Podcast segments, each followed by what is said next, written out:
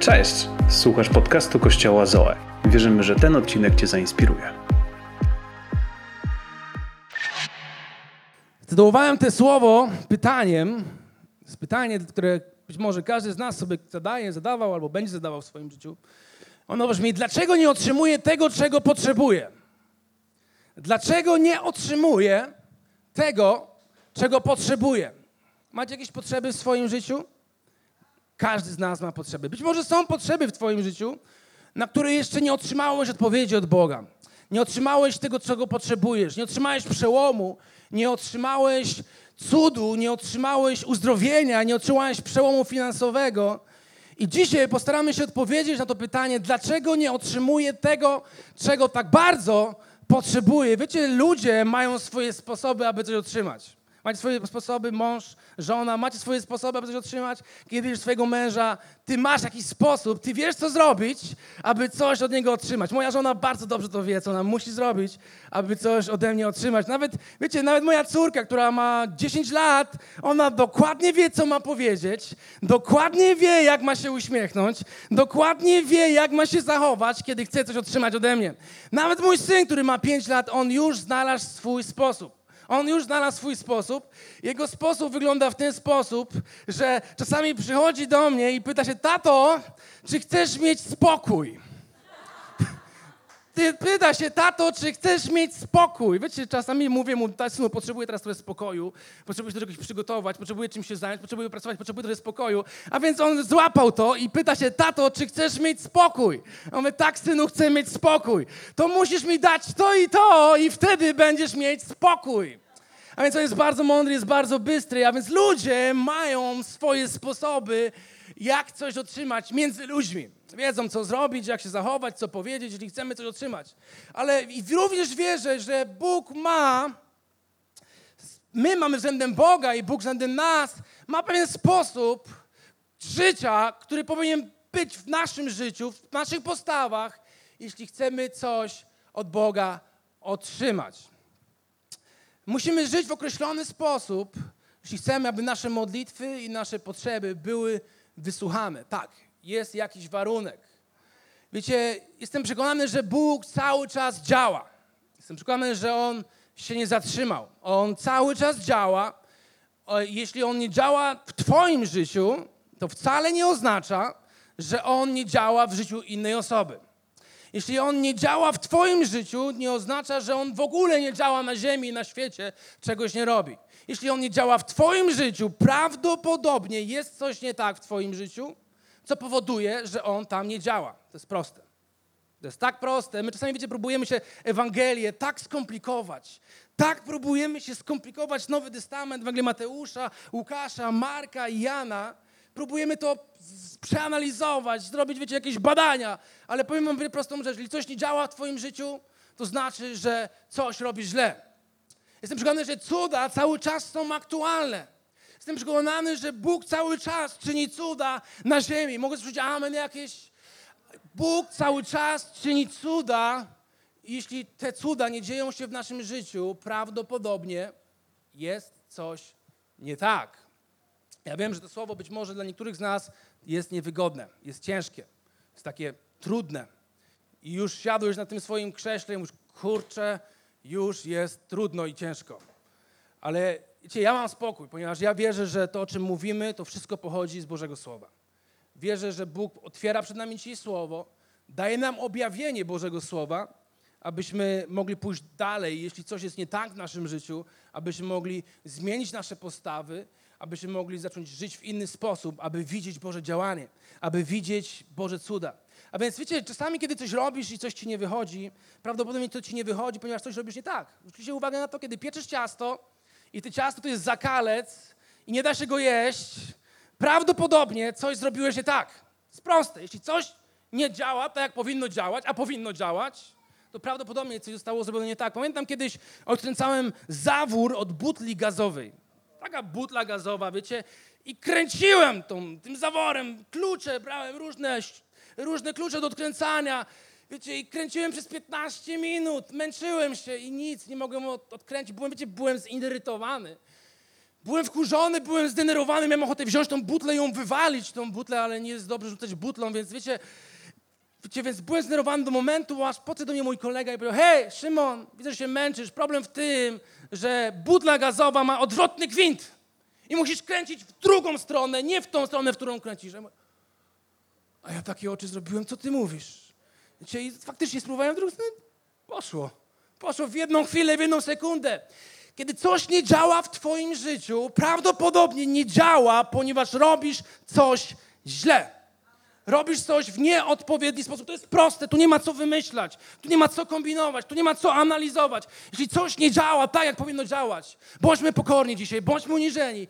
Prawdopodobnie robimy coś źle.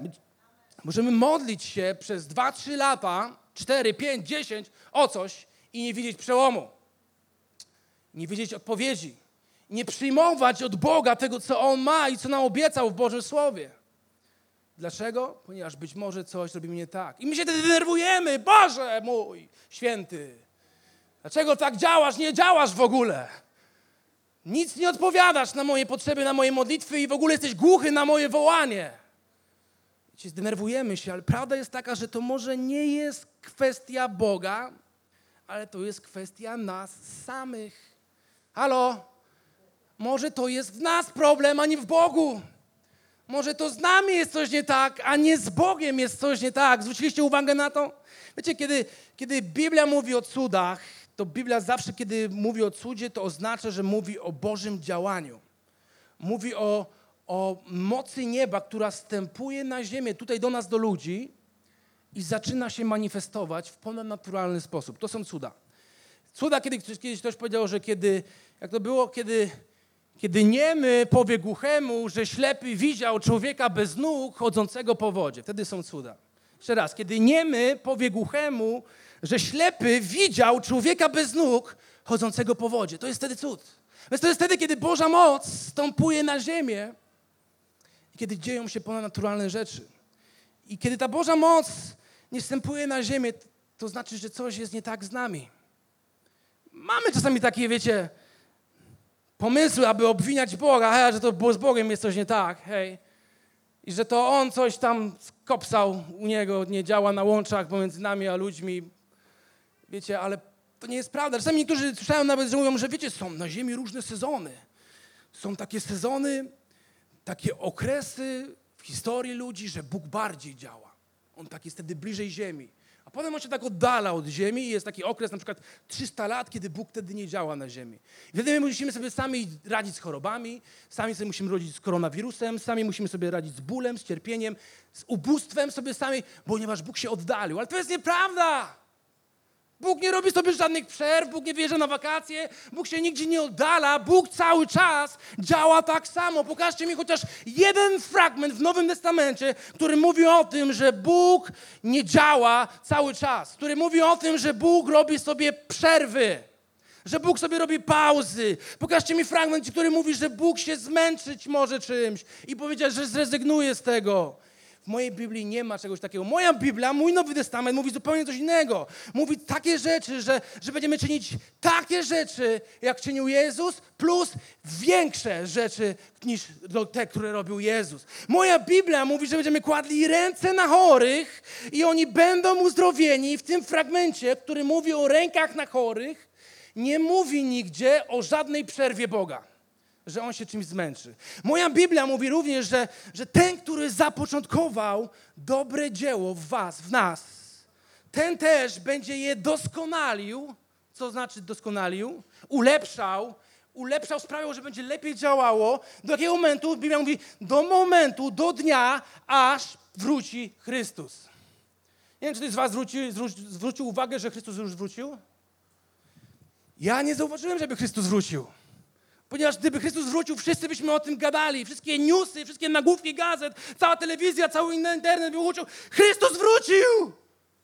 Uuu! Ale ja nie zauważyłem, żeby Chrystus wrócił. A więc to oznacza, że kiedy Jezus powiedział, kiedy jest napisane, że on, ten, który rozpoczął, on rozpoczął coś dwa tysiące lat temu. On rozpoczął coś, co nazwał Kościół. To jest Kościół, to jesteśmy my. To jest projekt Boga, który on zapoczątkował. A więc on rozpoczął Kościół i on powiedział, że on będzie doskonalił ten Kościół.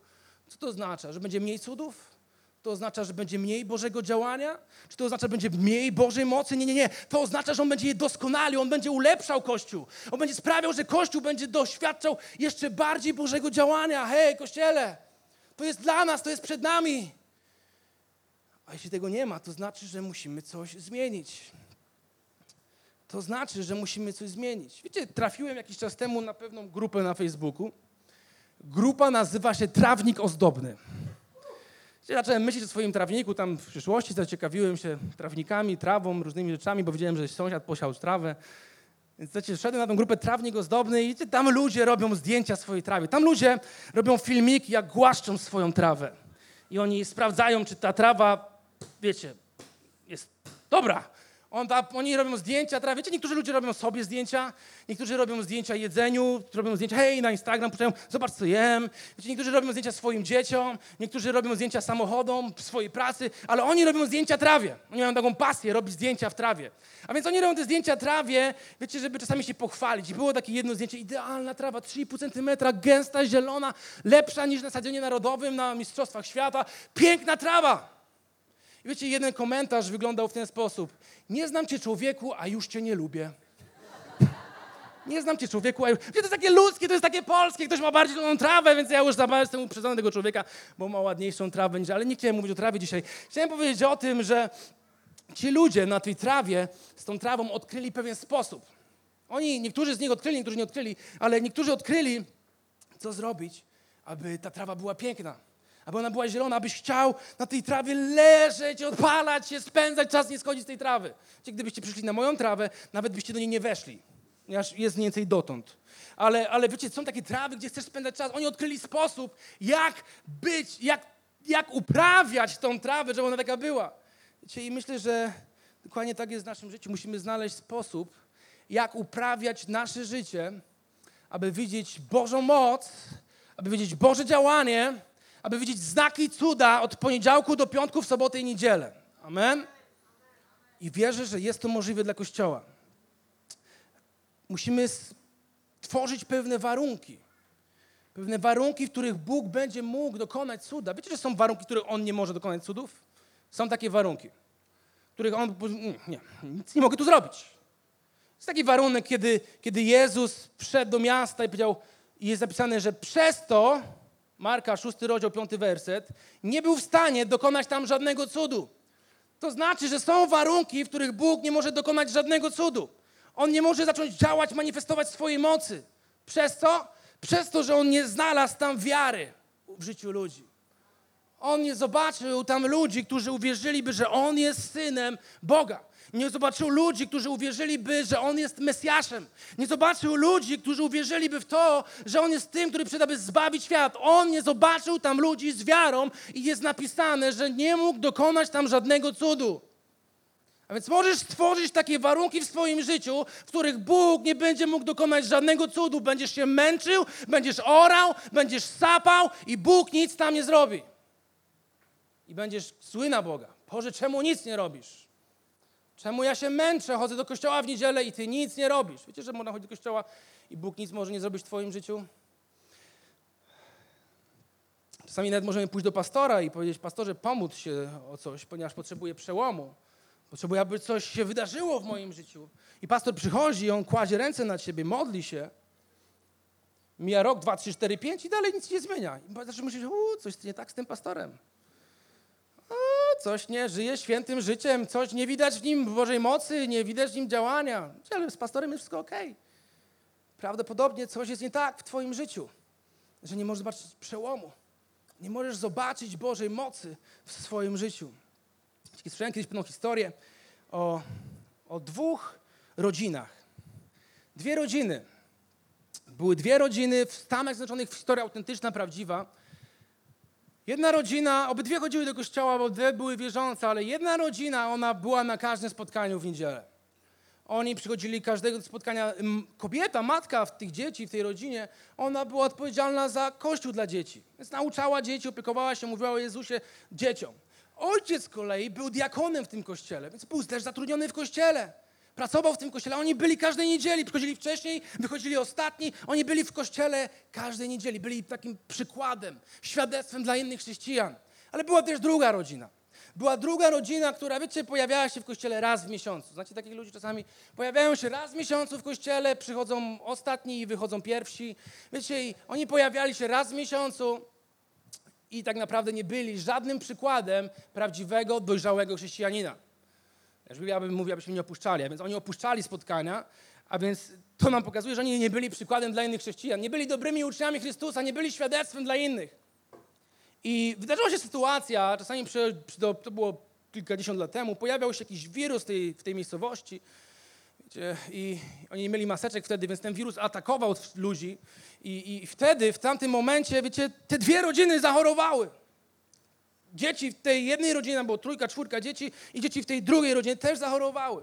Wiecie, i, kobieta, mama z tej, z tej rodziny, która się pojawiała raz w miesiącu na nabożeństwie i się spóźniała też i wychodziła pierwsza, ta kobieta, ona dzwoniła do pastora i powiedziała, pastorze, wiesz co, moje dzieci są chore, czy mógłbyś przyjechać do nas i, i pomodlić się, położyć swoje ręce na tych dzieciach i, i aby one były uzdrowione. Pastor powiedział, okej, okay, przyjadę. Więc wiecie, pastor pojechał do tej jednej rodziny ta kobieta, zanim on pojechał, pojechał, ona stała już przy drodze, czekała na tego pastora. Ona już była, wiecie, bo wiedziała, że dzieci są chore, więc ona czekała, aż by przywitać tego pastora. I ona, ona przywitała tego pastora, dzień dobry, pastorze. Ja wiem, że czasami nie jesteśmy przykładem, wiem, że nie jesteśmy pożyteczni w kościele, że, że no, no, tak jest jak jest, ale ja wierzę, że Jezus może uzdrowić moje dzieci, ponieważ czytamy w Biblii, że On pozwalał dzieciom przychodzić do Niego i On na pewno nie chce, aby moje dzieci leżały w domu z gorączką, męczyły się w z kaszlem z tym wirusem, więc przyjdź do nas do domu i pomóc się o to dziecko. Więc pastor przyszedł do domu, pomodlił się i, i dosłownie w trakcie modlitwy pod jego ręką gorączka odchodziła. Dzieci były uzdrowione, zupełnie zdrowe od wirusa. Wirus był zniszczony. Wiecie, ale też dowiedział się, że ta rodzina, ta druga, tych diakonów i tych ludzi z kościoła, którzy przychodzą na każde spotkanie, ich dzieci też zachorowały. Wiecie, więc, więc poszedł do, do tamtej rodziny od razu, z jednego domu do drugiego domu, wiecie, i puka. Mocno puka, głośno, coraz bardziej puka. Nikt nie otwiera. Nikt nie czeka na niego. Wiecie, głośniej jeszcze puka. I nic, więc pomyślał, że może z tyłu domu gdzieś tam, wiecie, na, na, wszyscy są na tyle i, i chciał obejść i nagle otworzyły się drzwi. I ta nauczycielka z kościoła dziecięcego powiedziała, a, to ty! I nagle słyszy, krzyczy do swojego męża, hej, mówiłem ci, żebyś nie dzwonił po niego, bo nasze dzieci nigdy nie będą uzdrowione. Wiecie, i nagle się okazało, że jego dzieci nie były uzdrowione, jego dzieci nie były uzdrowione. Dlaczego tak się wydarzyło? Dlatego, że ona nie wierzyła w to, że dzieci mogą być uzdrowione. Jestem przekonany, że w naszym życiu mamy to, w co wierzymy. Na tyle, ile masz wiary, na tyle będziesz oglądał Boże działanie w swoim życiu. Możesz się modlić o coś 10 lat i nie widzieć uzdrowienia, a możesz się modlić o coś 10 minut i natychmiast zobaczyć uzdrowienie w swoim życiu. Ponieważ chodzi o wiarę. Jest jeden warunek, który Bóg potrzebuje zobaczyć w naszym życiu. I to jest wiara. Być może jest jeszcze więcej jakichś małych warunków, ale pierwsza rzecz, której Bóg szuka w Twoim życiu, to jest wiara. Ta kobieta, ona nie wierzyła, że Bóg może uzdrowić dzieci i nie uzdrowił Bóg tych dzieci. Nawet nie podejrzewam, że nawet ten pastor tam nie wszedł, powiedział, nie ma sensu się modlić twoje dzieci, skoro ty masz taką postawę, że ona na pewno nie uzdrowi, ponieważ nie widzę powodu, aby Bóg mógł uzdrowić te dzieci. Ale zobaczył postawę Bóg odpowiednią w kobiecie, która raz w miesiącu przychodziła do kościoła i nie była dobrym przykładem, ale ona wierzyła, że Jezus może uzdrowić te dzieci. I natychmiast byli uzdrowieni. Mamy dokładnie to, w co wierzymy, że otrzymamy. Masz to, w co wierzysz. Niektórzy mówią, że masz to, co mówisz, że to, co wyznajesz, ale my wierzymy, że mamy w Kościele, w chrześcijaństwie, wierzymy, że mamy w swoim życiu na tyle Bożej mocy, na tyle Bożego działania, na tyle cudów, na ile jesteśmy w stanie uwierzyć. Jest fragment w Ewangelii Mateusza, w ósmym rozdziale, kilka wersetów. Chciałyśmy przeczytali razem. Jest napisane, tuż po wejściu do Kafarnaum do Jezusa podszedł pewien setnik. Panie, prosił, mój chłopiec leży w domu sparaliżowany i strasznie cierpi. Przyjdę, odpowiedz, odpowiedział Jezus i uzdrowię go. Wówczas setnik powiedział, Panie, nie jestem wart, abyś wchodził pod mój dach, ale powiedz tylko słowo, a mój chłopiec będzie uzdrowiony. Dziewiąty werset. Bo ja jestem człowiekiem podległym władzy i mam pod sobą żołnierzy. Jeśli któremuś mówię idź, idzie, jeśli któremu innemu rozkażę przyjdź, przychodzi i jeśli swojemu słudze powiem zrób to, robi. Gdy Jezus to usłyszał, zdziwił się i powiedział do tych, którzy podążali za nim, zapewniam was, tak wielkiej wiary nie znalazłem w Izraelu u nikogo. Powiem więcej, wielu zjawi się z wschodu i zachodu wraz z Abrahamem, Izajakiem i Jakubem, zajmą miejsce przy stole w Królestwie Niebios, a synowie Królestwa, chodziło o Królestwo tu na ziemi, zostaną wyrzuceni wewnątrz, wewnętrzną ciemność. Tam będzie płacz i zgrzytanie zębów. Po tych słowach Jezus zwrócił się do setnika. Idź, a jak uwierzyłeś, jak uwierzyłeś, niech ci się stanie. I w tej chwili jego chłopiec został uzdrowiony. Szósty werset mówi o tym, że on przyszedł do Jezusa i on prosił Jezusa. To jest tak samo jak my, że my przychodzimy do Boga i go prosimy w modlitwie. Modlimy się. Ale czytając tą historię, dochodząc do końca, widzimy, że nie dlatego został ten chłopiec uzdrowiony, dlatego że on prosił. Tu nie jest napisane, że Jezus powiedział, idź, dlatego że prosiłeś, twój syn ten chłopiec będzie uzdrowiony. Wiesz, mo, mo, możemy prosić pięć miesięcy i to nie zadziała. Tu nie, nie, jest napisane, że dlatego, że on przyszedł do Jezusa. Jezus nie powiedział, hej, dlatego, że przyszedłeś do mnie, mogłeś iść do różnych innych miejsc, do lekarza, mogłeś iść gdzieś do, do, do, do jakiegoś szpitala, ale przyszedłeś do mnie, dlatego uzdrowię tego chłopca.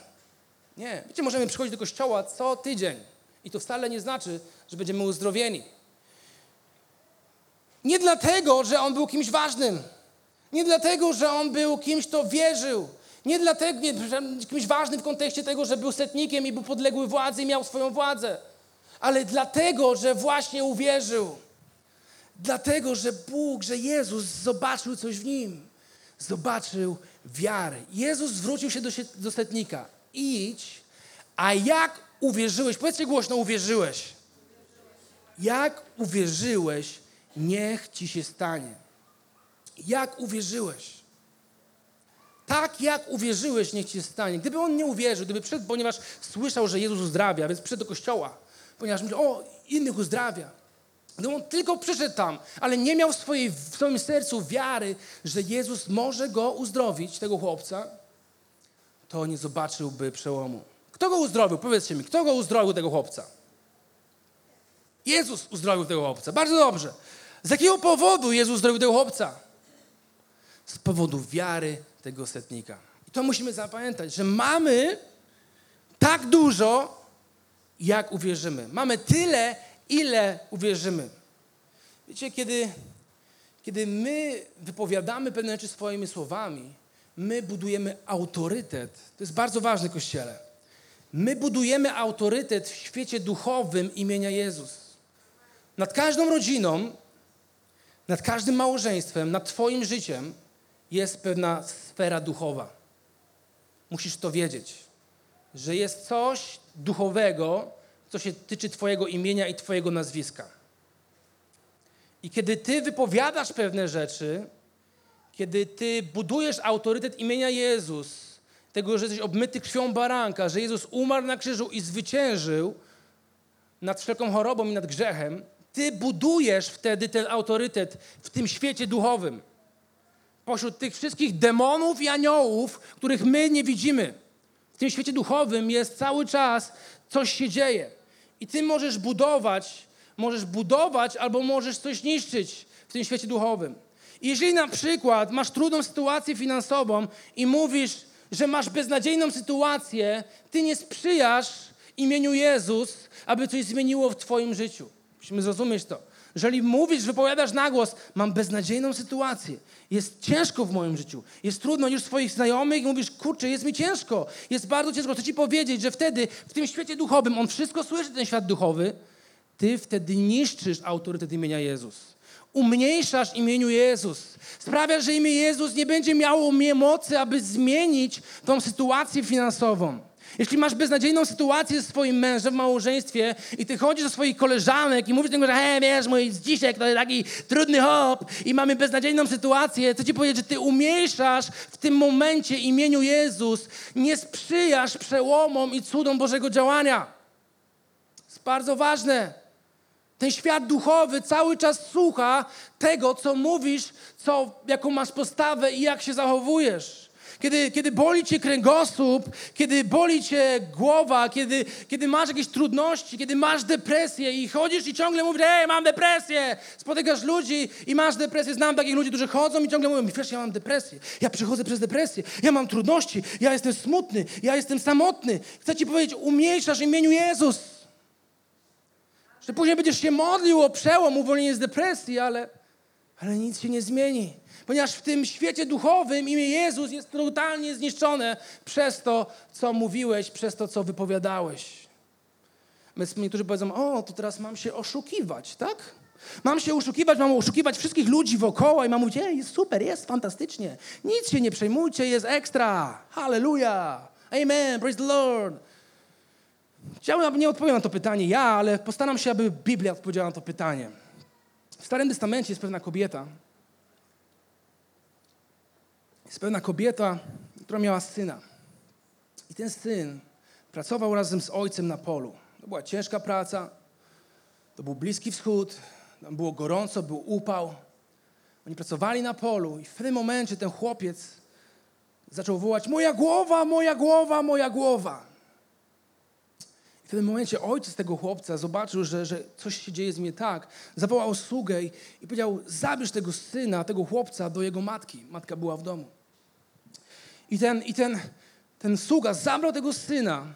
Jest napisane w Biblii, że, że ten chłopiec przeleżał do wczesnego popołudnia na kolanach tej matki i zmarł. Tego dnia, w tym momencie, on zmarł. Prawdopodobnie to był jakiś udar od słońca. On umarł. I czytamy druga Księga Królewska, czwarty rozdział, 21 werset. Pamiętajcie, odpowiadamy na pytanie, czy mam siebie oszukiwać, innych oszukiwać i czy mam, czy mam ściemniać, że wszystko jest ok. Odpowiadamy na to pytanie. Druga Księga Królewska, czwarty rozdział, 21 werset. Niech Biblia nam odpowie. Wtedy matka zaniosła go na górę, położyła na łóżku męża Bożego, wyszła i zamknęła za sobą drzwi. Następnie przywołała męża i powiedziała: Przyślij mi proszę któregoś ze sług i jakąś oślicę. Wybiorę się szybko do męża Bożego i wrócę. Mowa o Elizeuszu. A więc czytamy ten fragment i widzimy, że ona w tym momencie zaczyna coś budować. W tej atmosferze duchowej ona w tej sekundzie zaczyna coś budować. Ona kładzie jedną cegłę po drugiej cegle w atmosferze. Ona zaczyna coś budować. Możesz coś budować, możesz budować wiarę bądź nie wiarę. A więc ona zaczyna budować i mówi do swojego, do swojego męża, przyszli mi oślicę, pojadę do męża Bożego. Pamiętajcie, że to jest moment, kiedy ten syn już nie żyje. Ona spotyka swojego męża, może na schodach gdzieś. Ona schodzi i mówi, hej, hej, mężu, mężu, potrzebuję, abyś mi przygotował oślicę i ja pojadę do męża Bożego. Okej? Okay? Dobra. Wiecie, my w mojej rodzinie, w moim małżeństwie mówimy sobie o wszystkim. Mówimy sobie nawet o tym, kiedy nasze dziecko guza nabije. Hej, hej, wiesz, Dawid guza sobie nabił. Ale tu mamy sytuację, że dziecko umarło i ona nie odzywa się ani jednym słowem. To jest niesamowite swojego męża, ale mówi mi, przygotuj mi osła. Pojadę do męża Bożego. Większość z nas już by powiedziało wszystkim, co się wydarzyło, ale nie ta kobieta. Dlaczego ona tego nie robi? Myślę, że ona nie robi tego, ponieważ nie chce gasić swojego ducha. Ponieważ jej duch jest silny, jej duch wierzy. Nasze ciało nie wierzy, nasze ciało jest słabe. Twoje ciało i moje ciało to są kluski. To są kluski. Ale nasz duch może być silny w tych kluskach. I on może być bardzo silny, a więc ona nie chce gasić swojego ducha i nie by powiedziała, hej, wiesz, nasz syn umarł, ale ja pojadę do, do, do tego męża Bożego. Ona tego nie robi. Ona, ona nie chce budować atmosfery niewiary, ponieważ gdyby powiedziała, że o, nasz syn umarł, ojejku, to zbudowałaby atmosferę niewiary w tym domu. Wypowiedziałaby coś złego, coś, co nie ma mocy. I trzecia rzecz, być może znała swojego męża. Wiecie, kobiety znają swoich mężów. Zwróciliście uwagę? Tak, no? One znają swoich mężów. I może ona wiedziała, że mąż nie ma silnej wiary. Może wiedziała, że ten mąż zacznie się stresować, zacznie latać, biegać. Specjalnie nie będę mu mówiła. ponieważ nie chce budować złej atmosfery, atmosfery niewiary. Więc ona buduje coś, cegła po cegle, cegła po cegle, cegła po cegle. Jaka to jest lekcja dla nas? To jest dla nas pewna lekcja. Może Bóg chce nam pokazać, że nie powinniśmy latać do wszystkich ludzi i trąbić, że z czymś mamy problem. Może Bóg nam chce pokazać, że powinniśmy iść do konkretnej osoby, która ma autorytet w imieniu Jezus i jej o tym powiedzieć. Czasami latamy wokoło a, a. przychodzimy do kościoła i tylko zobaczymy jedną osobę, a wiesz, jest mi niedobrze, jest mi źle, jest mi strasznie.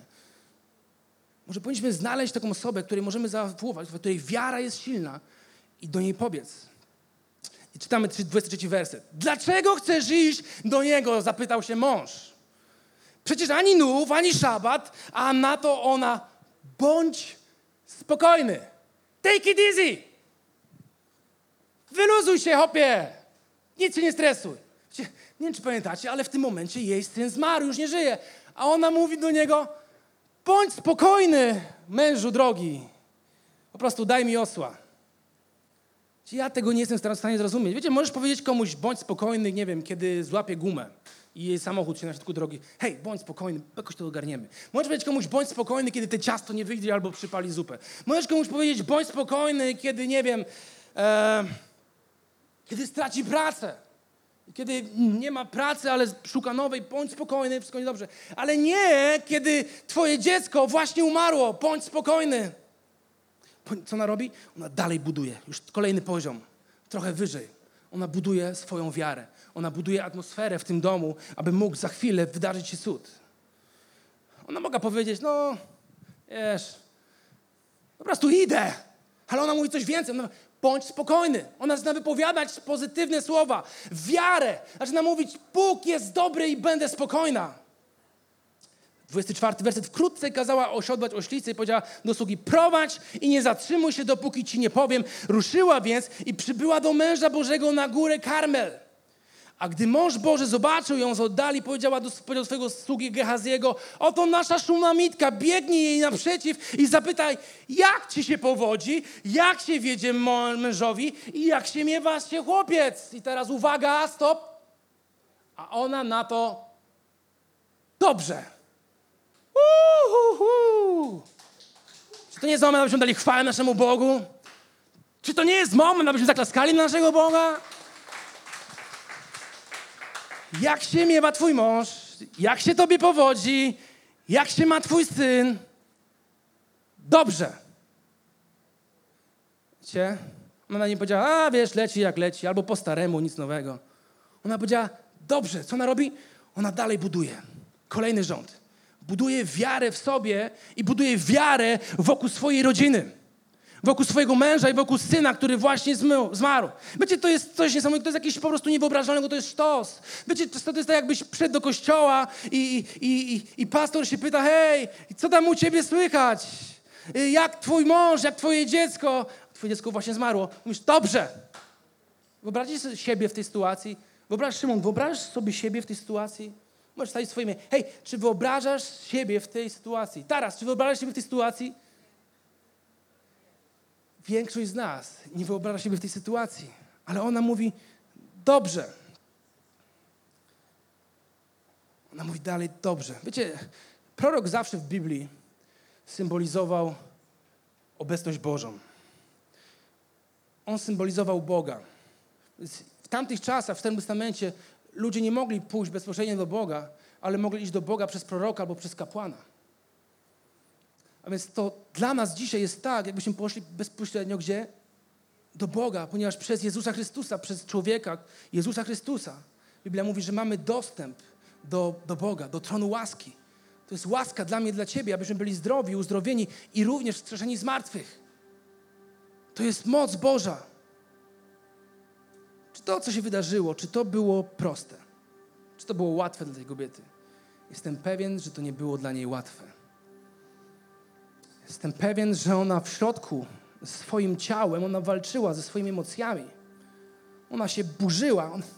Ona nie potrafiła wytrzymać. Podejrzewam, że ona w środku krzyczała i płakała. Była przerażona. Ale ona wiedziała pewną rzecz, że jest ktoś, kto może jej pomóc. Nie robiła halo wokół tego, nie rozpowiadała ludziom negatywnych rzeczy, ale przede wszystkim udała się do miejsca, gdzie był Bóg, gdzie była Boża obecność, gdzie była chwała. Ona wierzyła do samego końca i jeszcze dalej. Aż tak naprawdę to był koniec. Jego, jej syn już nie żył. Ona wierzyła jeszcze dalej. Pytanie jest moje, czy ty wierzysz do samego końca i jeszcze dalej? Czy może tracisz wiarę jeszcze przed końcem? Kiedy widzisz, coś już się nie układa w twoim życiu na horyzoncie, ty tracisz już wiarę.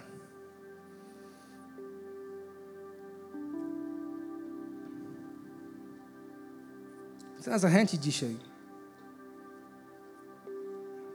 abyśmy zaczęli karmić swojego ducha odpowiednimi rzeczami. Ponieważ kiedy Twój duch jest silny, Ty nie będziesz ulegał temu, co widzisz. Nie będziesz widział, ulegał trudnej sytuacji na świecie. Ludzie będą mówili obok Ciebie, szczepić się, nie szczepić się. Będą nosić maski, czy nie nosić masek. Będą mówili, jest źle, coraz drożej, wszystko i drożeje, nie ma pracy na rynku. Ale Ty będziesz ponad tym wszystkim. Bardzo nie przepadam za chrześcijanami, którzy bardzo mocno udzielają się w komentarzach na Facebooku i ciągle komentują i udzielają się. Jest coś, na czym powinniśmy się skupić. Powinniśmy się skupić na Bożej mocy Kościele, na Duchu Świętym, aby wypełnić swoje życie Jego obecnością. Nie na tym, czy coś jest dobrze, czy na czym się coś jest źle ponieważ to nie wzmocni Twojego ducha i nie wzmocni Twojej wiary, kiedy będziesz potrzebował wiary. Skup się na Duchu Świętym. Czyli cały czas w tym świecie duchowym jest bitwa o nasz umysł, o to, co się dzieje w Twojej głowie, o Twoje myśli, o Twoje decyzje, o Twoje plany, o Twoje postanowienia, o Twoje postawy, o Twoje decyzje, które podejmiesz. Jest bitwa. Ciągle jest bitwa. W tym momencie też jest bitwa. I być może odczuwasz, że jest bitwa, która się dzieje w świecie duchowym. I wiesz, że kiedy Twój duch jest silny, kiedy masz ciągłą i bezustanną relację z Duchem Świętym, cały czas, bez przerwy, masz relację z Duchem Świętym. Wtedy Twój duch jest na tyle silny, aby zwyciężyć tą bitwę. Abyś miał wiarę, aby przeciwstawić się wszelkim atakom wroga. Wiecie, ja naprawdę bardzo mocno wierzę w to i my jako Zoe wierzymy, że Duch Święty jest osobą i jest Bogiem. On jest osobą i jest Bogiem. I On również chce być moim i Twoim przyjacielem. On chce mieć z Tobą relację cały czas. On chce znać Ciebie, On chce rozmawiać z Tobą, On chce być z Tobą wszędzie, w Twoim samochodzie, w Twojej łazience, w Twojej toalecie, w Twojej pracy, w Twoim domu, w Twojej sypialni. On chce być z Tobą wszędzie. Duch Święty chce być tam wszędzie. Chce budować Twojego ducha, umacniać Twojego ducha. Kiedy pojawią się problemy, trudności, wyzwania, On chce Ciebie umocnić. Czasami Potrafimy jechać samochodem przez 30 minut i ani słowem się do niego nie odezwać. Ani słowem nie powiedzieć nic do Ducha Świętego, a mówimy, Duch Święty, przyjdź, przyjdź, przyjdź. Gdybyś jechał ze swoim przyjacielem, byście obgadali wszystkie tematy przez 30 minut. Ale jedziesz samochodem i nawet nie pomyślisz o tym Duchu Świętym, że On chce mieć w tym samochodzie relację z Tobą. Zoe, chcę Was zachęcić, abyśmy zaczęli budować bezustanną, ciągłą relację z Duchem Świętym. To, czym się karmisz, to na co patrzysz, to, co wprowadzasz do siebie, to ma znaczenie. Jeśli budujesz ciągle swoje ciało i wprowadzasz rzeczy z tego świata do swojego ciała, jeśli budujesz bezustanną relację ze światem, budujesz bezustanną relację z Facebookiem, Instagramem i innymi rzeczami, i budujesz bezustanną relację z niewierzącymi, którzy nie wierzą, nie oczekuj, że Twój duch nagle będzie silny. Koryntian, 6 rozdział, 19 werset mówi, czy nie wiecie? Czy nie wiecie, że wasze ciało jest przybytkiem Ducha Świętego, który jest w was i którego macie od Boga? Czy o tym nie wiecie? Że twoje ciało, to co widzisz w lusterku rano, kiedy wstajesz, jest domem, w którym mieszka Duch Święty. Wiecie, i czasami niektórym, w niektórych domach jest mu bardzo niewygodnie i on się wyprowadza. Mówi, nie, nie, ja nie mogę tu dłużej być. Nie mogę spędzać czasu w tym domu. Wtedy on się wyprowadza i stajesz sam. Kiedy jesteś sam, nie możesz liczyć na Bożą moc, ponieważ twoje ciało jest silne, twój duch jest słaby, jest osłabiony, bo nie ma relacji z Duchem Świętym. Pojawia się trudna sytuacja i ty nie dajesz rady i nie widzisz odpowiedzi na swoje modlitwy. Chcę nas Cię zachęcić, abyśmy zaczęli budować relacje z Duchem Świętym, ponieważ to, w co wierzysz, to masz. A wiara pochodzi z jednego miejsca, tylko z jednego miejsca. I mówi o tym jeden fragment w Biblii, list do Rzymian 10, 7 werset, 17 werset. Wiara pochodzi z przesłania o Chrystusie. To jest dosłowne tłumaczenie. Z przesłania o Jezusie Chrystusie. A więc kiedy karmisz się przesłaniem o Jezusie Chrystusie, to może być Biblia. To jest najlepsze przesłanie o Jezusie Chrystusie. To jest oryginał. To nie jest jakaś kopia, którą ktoś skopiował. To jest oryginał. Jeśli karmisz się przesłaniem o Jezusie Chrystusie, kiedy wypełniasz swoje życie podcastami i różnym nauczaniem, odpowiednim nauczaniem, zdrowym, bo jest wiele różnego nauczania w internecie, którego nie powinniśmy słuchać, ale są też zdrowe nauczania. Jeśli czytasz książki chrześcijańskie, dobre, zdrowe książki, co robisz wtedy? Budujesz swojego ducha. Kiedy budujesz swojego ducha, budujesz swoją wiarę. Masz to tak dużo, na ile wierzysz. To, co wierzysz, to masz w swoim życiu. Amen, Kościele? Dzięki, że byłeś z nami. Więcej informacji o naszym kościele znajdziesz na naszych mediach społecznościowych. Wierzymy, że najlepsze jest jeszcze przed nami.